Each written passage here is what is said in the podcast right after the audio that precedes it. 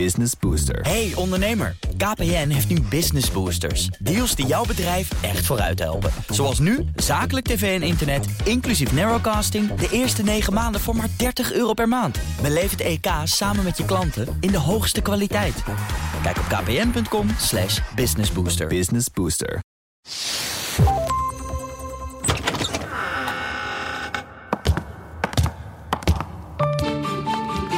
Project Binnenhof. Met Sophie van Leeuwen en Laurens Boven. De wandelgangen. Welkom bij Project Binnenhof vanaf de Bezuidenhoutse weg.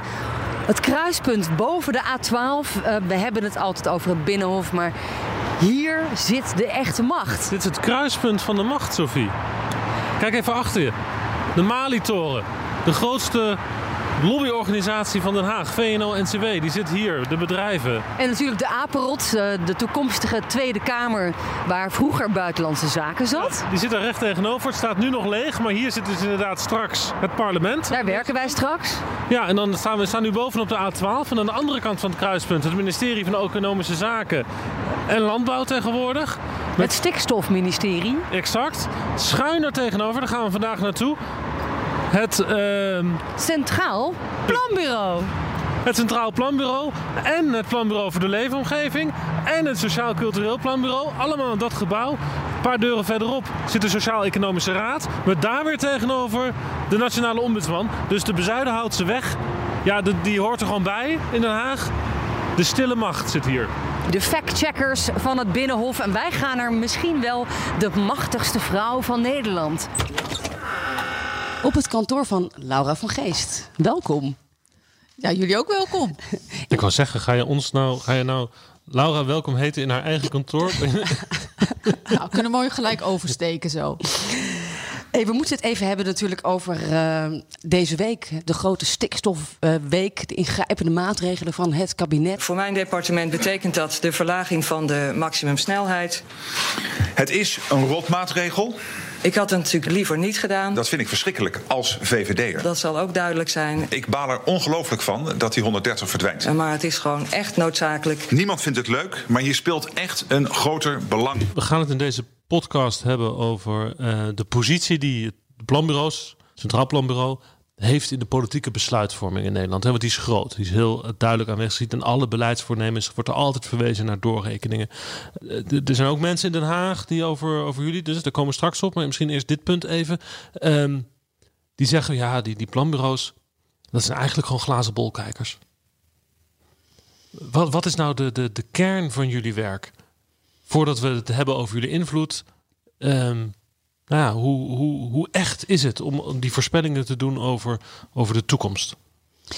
Eh, nou, voorspellen is een onzeker vak. Maar feit is dat als een kabinet een begroting wil indienen, dat ze een beetje moet weten hoe de toekomst eruit gaat zien. Of als een beetje beeld moet hebben daarvan. Gaat het goed met de economie? Gaat het niet goed met de economie? Want als het niet goed gaat met de economie, dan gaat de werkloosheid oplopen. Dat kost dan meer geld. En komen er ook minder belastingopbrengsten binnen. En daar moet ze wel een beeld van hebben. Nou zijn er verschillende clubs die die ramingen kunnen maken. In het buitenland is het heel gebruikelijk dat een ministerie van Financiën die raming maakt. De ramen ze zelf in feite. dan ramen ze zelf. In Nederland is het al heel lang gebruikt dat een onafhankelijke club zoals het Centraal Planbureau die raming maakt. Internationaal is geconstateerd dat als je, als je die twee groepen kijkt, wie eh, raamt er het best, of als je eerlijk bent, wie raamt het minst slecht, dat eigenlijk eh, onafhankelijke clubs dat beter doen. Omdat om een of andere reden, zonder iemand ergens van te willen betichten, mensen die werken bij een ministerie vaker opgewekter ramen dan eh, gemiddeld genomen terecht is. Dus als je kijkt naar de verschillende type ramingen, dan zie je dat onze ramingen meestal niet perfect goed zijn, maar dat de kans dat we te hoog zitten net zo groot is als de kans dat we te laag zitten. Terwijl als je kijkt bij een raming van een ministerie, dan zitten ze meestal te hoog. Ja, maar het blijft natuurlijk, ondanks hè, met alle onzekerheden erbij, blijft het natuurlijk een inschatting. Is dat niet fr- frustrerend voor, voor jou dat het CPB, maar ook het PBL en het RIVM en het CBS, ze krijgen er allemaal van langs. Midden in die boerenopstand, we trekken op naar het RIVM, want de wetenschappers, die naaien ons. Nou, ik, ik vind dat natuurlijk op zichzelf wel verontrustend. Hè, want uh, je, wil, je, bent zelf bewust van dat je je werk goed doet. Hè, en dat je daar echt je best voor doet. Je probeert je ook uh, zeker te weten dat je dat zo goed mogelijk doet. Dus je hebt contacten met academici. Je laat je nu en dan door zo'n groep, uh, zo'n onafhankelijke onderzoeksclub beoordelen. Dus we doen wel ons best om aan te geven en ons, onszelf ook scherp te houden of we wel het goede doen. Hè? Want je, maar kunt... je zegt verontrustend. Waar maak je je zorgen over dan? Nu? Ja. Nou, ik denk zelf dat uh, het heel belangrijk is en ook een belangrijke kracht van Nederland. Worden we ook door het buitenland voor gecomplimenteerd. Hè, dat er in Nederland echt heel veel belangrijk is en uh, wordt gevonden dat je beter onderbouwd beleid doet. Hè, dat er een traditie is om te zeggen: niet alleen iets maar roepen, maar het dan ook ook iets gaan doen en iets gaan doen wat dan ook zou kunnen werken. Dat is een hele belangrijke traditie. Want het goed laten runnen van de economie is heel belangrijk voor mensen volgens mij. Want ja, zelf geloof ik dat uh, werken, mensen met werk zijn gelukkige mensen. Althans, dat helpt heel vaak voor mensen gelukkig te houden. En als je die economie zo goed mogelijk runt, is de kans het grootst dat mensen ook nou ja, dat soort dingen kunnen doen. En als je onhandig beleid voert, dan kan je dat ook verstoren. Dat is, en dat is in gevaar. De, dat beeld van in Nederland hebben we beleid op basis van uh, wetenschappelijke data.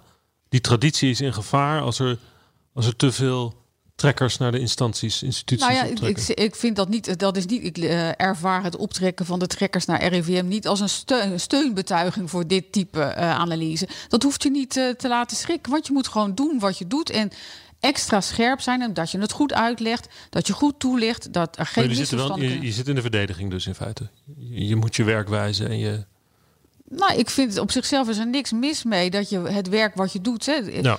dat je dat niet in een ivoren toren doet en dan naar buiten gooit en denkt, nou vanzelf zullen ze wel denken, oh dank u wel voor de Heilige Schrift. Dat zou toch ook heel curieus zijn, toch?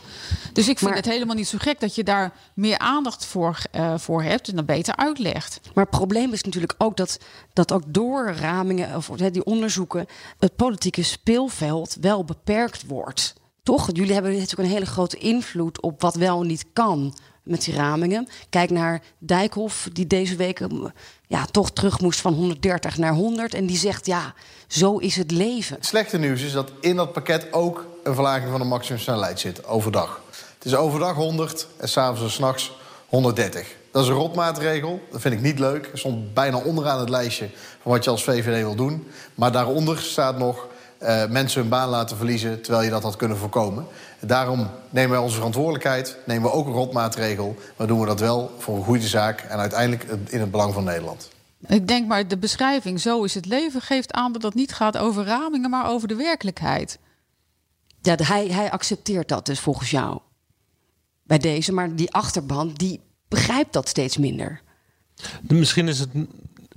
Kijk, Dijkhoff die doet iets wat hij niet wil. Wat hij politiek gezien niet wil. De hele VVD, nu met die maatregel. Maar hij wordt gedwongen door, uh, door, door, door feitelijke omstandigheden, metingen, stikstofuitstoot en zo. Um, dus ook een voorbeeld van dat hele probleem. Maar je ziet natuurlijk best vaak dat, dat politici in Nederland niet meer argumenteren op basis van politieke overtuigingen, maar op basis van uh, doorrekeningen. En is dat niet een te groot, beperkt dat niet de politiek, de politieke discussie? En de manier waarop wat de functie die politiek heeft in de samenleving, namelijk dat, je, dat er groepen mensen zijn die de samenleving op een bepaalde manier willen uh, vormgeven. Maar daar gaat juist politiek over. Politiek gaat over zeggen wat je, wil in, wat je wil in het leven, of wat jij belangrijk vindt voor jouw achterban, of wat jij wil veranderen in Nederland. Uh, als jij aan de macht komt. En dat is ook heel belangrijk. Daar zijn politici voor. Daar zijn juist geen technocraten voor, zoals ik. Politici zijn er om te zeggen: ik vind het belangrijk dat er heel veel zorg is, of dat uh, iedereen werk heeft, of dat de defensie van Nederland op orde is. En dat is ook allemaal belangrijk.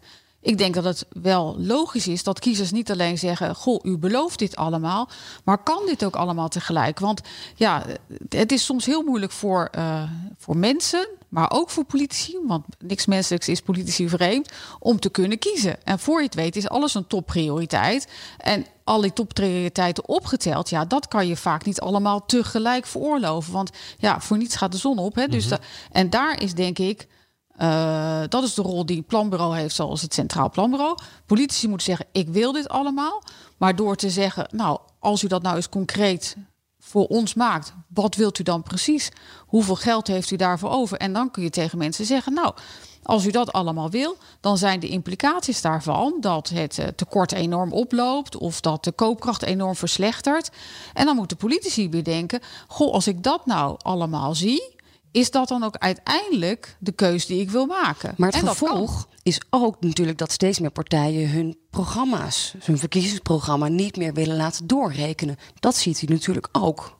Nou, als ik eerlijk ben, zie ik dat niet helemaal. Want het grootste aantal verkiezingsprogramma's wat we hebben doorgerekend was de laatste ronde. Ja, er zijn steeds meer partijen in de Kamer natuurlijk. Met die nou, versnippering van vandaag.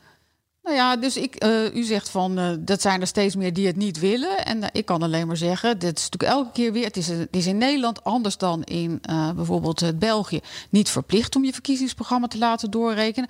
Wij doen een aanbod. Wij denken dat het een nuttige functie is, omdat het politici zeg maar, stimuleert om helder te zijn over wat ze nu eigenlijk echt bedoelen. Want je kunt heel makkelijk zeggen: goede zorg voor iedereen.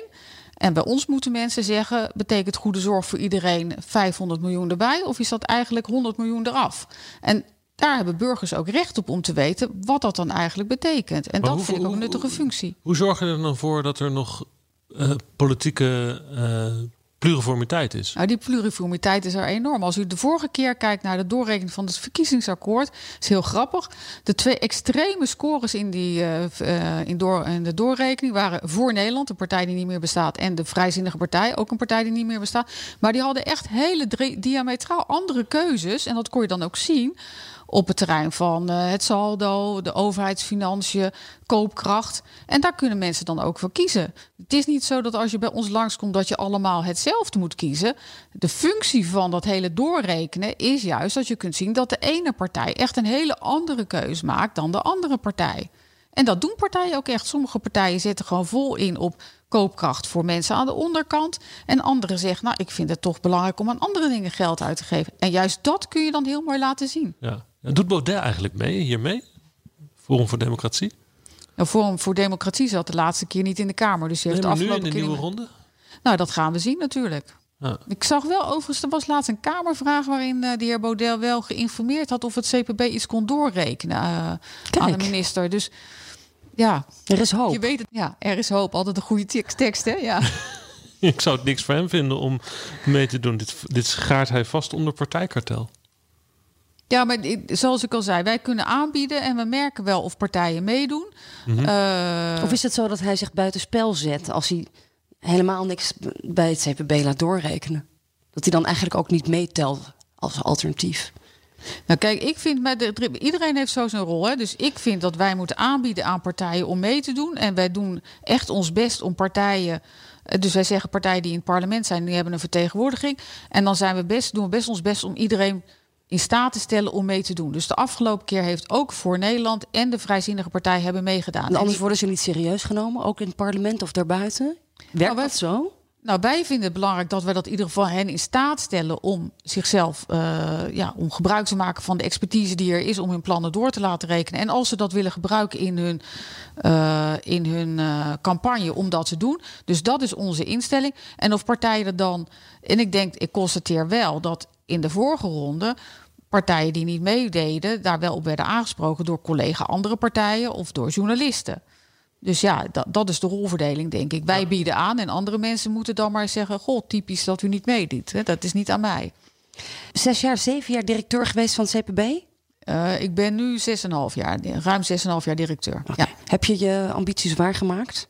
Kijk, mijn ambitie was natuurlijk, is zoals iedereen die uh, ergens aantreedt, om de winkel beter achter te laten dan je het aantreft. Dus dat is heel saai. Uh, nou. En ik. En? Nou, ik denk dat ik dat ik heb zelf het idee of de hoop dat dat gelukt is, maar dat is moet natuurlijk altijd uiteindelijk andere mensen uh, zeggen. Ondanks alle afbraak, kritiek uh, uit bepaalde oppositie. Ja, kijk, we hebben onlangs deze zomer is er nog de tussenbalans geweest. Dus toen heeft de CPC met allerlei partijen, dus met uh, journalisten en met Kamerleden en met academici uh, en met beleidsmakers gepraat over wat zij vonden van het CPB. En daar kwam een, een geruststellend beeld uit. Dus tegen die, uh, tegen die achtergrond ben ik niet alleen hoopvol, maar denk ik dat er ook nog iets van evidentie is om dat te onderbouwen. En de collega's die dus bij van die andere internationale clubs die langs waren vorige week, die zeiden, oh ja, die spraken ook wel over ons ons als hun grote zus waar ze nog een hoop van konden leren. Nou, dat zijn allemaal leuke dingen om te horen. Ja, en zoals altijd uh, blijf je langer, dan is er ambitie om er nog weer iets mooiers van te maken. Zo is leven. En nu de AFM? Ja. Nieuwe wereld. Amsterdam, hè? Zo te, om te ja, beginnen. ja, dat is voor een Rotterdammer nog wel ver weg. Ja, elke dag op en neer. Ja, we gaan het zien. Je kunt altijd nog minister van Financiën worden. Daarna, dat is iets dichterbij. Nou, ik ben uh, met brein aan geen politicus. Zalm heeft hier ook gezeten, toch? Gerrit Zalm. Je hebt zelf bij Financiën gewerkt. Dus zo'n gek idee is dat niet. In het nou, kabinet is... uh, Wopke Hoekstra of zoiets. Nou, ik zeg in mijn uh, wat, uh, wat Gerrit Salm heeft gedaan, heeft Gerrit Salm gedaan. Uh, maar voor mij is de stap naar de politiek echt een no-go area. Daar ga ik niet aan beginnen. Dus ik vind het heel leuk om het werk te doen wat ik hier heb gedaan. Evidentie brengen naar beleid. Dat was ook zoals ik zelf kijk naar mijn rol als ambtenaar. En ik ga op, op een andere manier de publieke dien, zaak dienen bij de AFM. Maar zelf politicus worden, echt no way. De stille macht. Nou, ik, ik, denk dat wij gewoon dingen transparant proberen te maken en dingen te spiegelen. En daarmee ben je alles behalve speel, stil. Want ja, je laat het juist heel goed zien. En dan spreekt het voor zich. Dankjewel, Laura. Graag gedaan. Succes de komende maanden. Wanneer ga je weg? Ik ga per 1 februari starten. Tot dan in Amsterdam. Tot dan. De week van Kees. Kees, waar ga je heen deze week? De week van Kees. Vroeger was het plein de tuin van kasteel Die Hagen, het huidige binnenhof. De graaf en later de stadhouder ijsbeerde hier tot een besluit viel over oorlog en vrede. Nu borrelen hier politici, ambtenaren en lobbyisten. Ik breng een bezoek aan plein 19 en de Haagse kluis. Ik zit hier met Richard van plein 19. Uh, ja, Richard. Uh, geen plein 19, maar nu uh, Seafood Bar 19 sinds kort. het heeft te maken met de nieuwe eigenaar, nieuw concept. Oké, okay, oké. Okay. En ik loop hier vaak langs. Ik drink ook wel eens een pilsje. Ik zie hier veel politici zitten. Hoe doen jullie dat? Ja, het is gewoon algemeen bekend dat op het plein dat alle ambtenaren, alle ministeries lekker komen borrelen na het werk. ja, dan zie je ze allemaal lekker rondlopen de bedoeling is altijd ook dat ze gewoon lekker gewoon langs kunnen komen. Niet alleen bij ons, maar ook bij iedereen op het plein.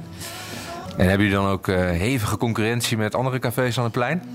Uh, dat valt op zich wel mee, want uh, Seafood Bar valt onder de Som Horeca Groep. En de Som Horeca Groep heeft uh, meerdere zaken op het plein. Dus eigenlijk gewoon een soort monopolie? Ja, het is eigenlijk wel een grote monopoliespel van, van de eigenaar, ja. De tijd staat bekend om de minder-minder toespraak van Geert Wilders. Luden, er schijnen veel lobbyisten te zitten. Kan je mij wat voorbeelden geven van politici die hier langskomen? Even kijken. Ja, Jess Klaver is een keer geweest. De premier zelf, Rutte, die kwam even hier een keer eten. Ook drinken? Uh, ja, ze komen altijd gewoon lekker gezellig. Gewoon een biertje en bitterballen nuttigen hier. Nou, bitterballen hoort er wel bij, bij een VVD'er. Ja, dat is, is, dat is een hele goede combinatie. B&B zeggen we altijd. Bier en bitterballen. Maar Jesse Klaver zat hier ook. Ik neem aan dat die geen bitterballen had. Nee, ik heb hem... Uit mijn hoofd heb ik hem niet een bitterbal zien eten. Nee, nee, nee, inderdaad. Hij wil nog een politieke anekdote. Een politicus die te diep in het glaasje heeft gekeken. Daar kan ik geen uitspraak over doen natuurlijk. Hè? Dat is allemaal gewoon... Ja, maar het is dus wel zo. Daar kan ik ook geen uitspraak over. Laten we het gewoon politiek correct houden. En uh, gewoon uh, zeggen dat uh, het wel eens kan voorkomen. Ik zit hier met Taylor van de Haagse Kluis. Daar wil ik je heel even op corrigeren. We zijn tegenwoordig heten we de Haagse Bierkluis. En we zitten hier in een klein kamertje achteraf. Hoe heet deze kamer? Ja, we noemen dit zelf de kleine kamer. En dat is meer omdat het wat afgesloten is, een kleine ruimte. Waar veel mensen van de overkant van de Tweede Kamer wel wat vergaderingen doen. Politici, ambtenaren ook? Ja, ook allemaal wel. Maar helaas mogen we daar geen naam over noemen. Geen. Uh, dus je, je, kan ook niet vertellen wat hier allemaal uh, besloten en vergaderd wordt? Nee, helaas niet. We, kunnen wel, uh, we hebben ook geheimhoudingsplicht natuurlijk. we lopen wel vaak naar binnen, maar we hebben best wel goed geleerd dat we niet echt mee mogen luisteren. Dus dat doen we eigenlijk ook niet echt. Maar dat gaat veel over vergaderingen. Soms nog een laatste voorstel dat er wordt gedaan. Um, achter een tuinhuis, wij noemen het het tuinhuis, dat is voormalig synagoge geweest. Daar worden wel echt de belangrijke vergaderingen gedaan. Wie, wie vergaderen daar dan zoal? Eh, de, daar mogen we niks over zeggen. Maar politici? Ja, nou meestal is het, zijn het wel echt ja, politici, ambtenaren. Eh, soms komt er een heel belangrijk iemand overgevlogen en dan is het ook achter. Maar ehm, ja, wel uh, de Tweede Kamer van de overkant. En ik heb begrepen dat uh, elke partij hier wel zo'n beetje zijn uh, eigen stamkroeg heeft. Welke partij komt hier vooral? Wij hebben niet echt een vaste partij hier. Uh, heel politici of heel politiek Nederland die wisselt heel erg af. Men wil niet met één zaak ja, daar vast aan zitten. Zodat uh, de Nederlandse bevolking hen niet herkent. Maar ook dat ze gewoon lekker vrij kunnen zijn en zelf ook een keer een biertje kunnen nemen. Zonder dat iedereen op ze let. Dus dat wisselt heel erg af. Vroeger was dat wel zo. We hebben een uh, PvdA-uitreiking uh, gehad, een provinciale verkiezing. CDA is wel eens een keer langs geweest. En ja, ga zo maar door, eigenlijk elke partij wel. Maar het wisselt heel erg af. En heb je nog een leuke anekdote? Een dronken Kamerlid? Of een vechtpartij? Nee, helaas niet. Bij ons gedragen ze zich altijd heel erg. Dus uh, ik denk verderop op het plein misschien wel. Maar bij ons uh, gaat het er eigenlijk altijd heel netjes aan toe. Leuke, gezellige mensen. En ik zeg altijd het best opgevoed in de horeca. Hey, en in 2021 verhuist de Tweede Kamer naar de Bezuidenhoutse weg. Ja. Wat gaat dat met jullie doen? Ja, dat, uh, we zijn heel erg benieuwd. Dat uh, vinden we zelf ook best wel jammer. De Hoe zorgen jullie ervoor dat ze toch hier blijven komen? Ja, nu natuurlijk echt onvergetelijke borrels organiseren. Dat is het uh, leukste. Kerstborrels komen er nu natuurlijk ook aan. Maar ik denk dat ze het plein in hun hart ook nooit los kunnen laten. Daar heb je niet zo heel veel. Uh, daar beginnen ze nu natuurlijk ook wel aan te bouwen van we moeten wel iets uh, qua horecagelegenheid opzetten. Maar wij hebben een uh, salesafdeling, werk voor een groot bedrijf. En die zorgen wel echt dat de after sales bij ons ook onwijs goed is. Dus dat het contact wordt onderhouden met de gasten. En dan hopen we natuurlijk dat ze bij een van onze zaken terug willen komen. Ja. Hartstikke bedankt. Nou, jij ook. Dankjewel. De week van Kees. Project Binnenhof.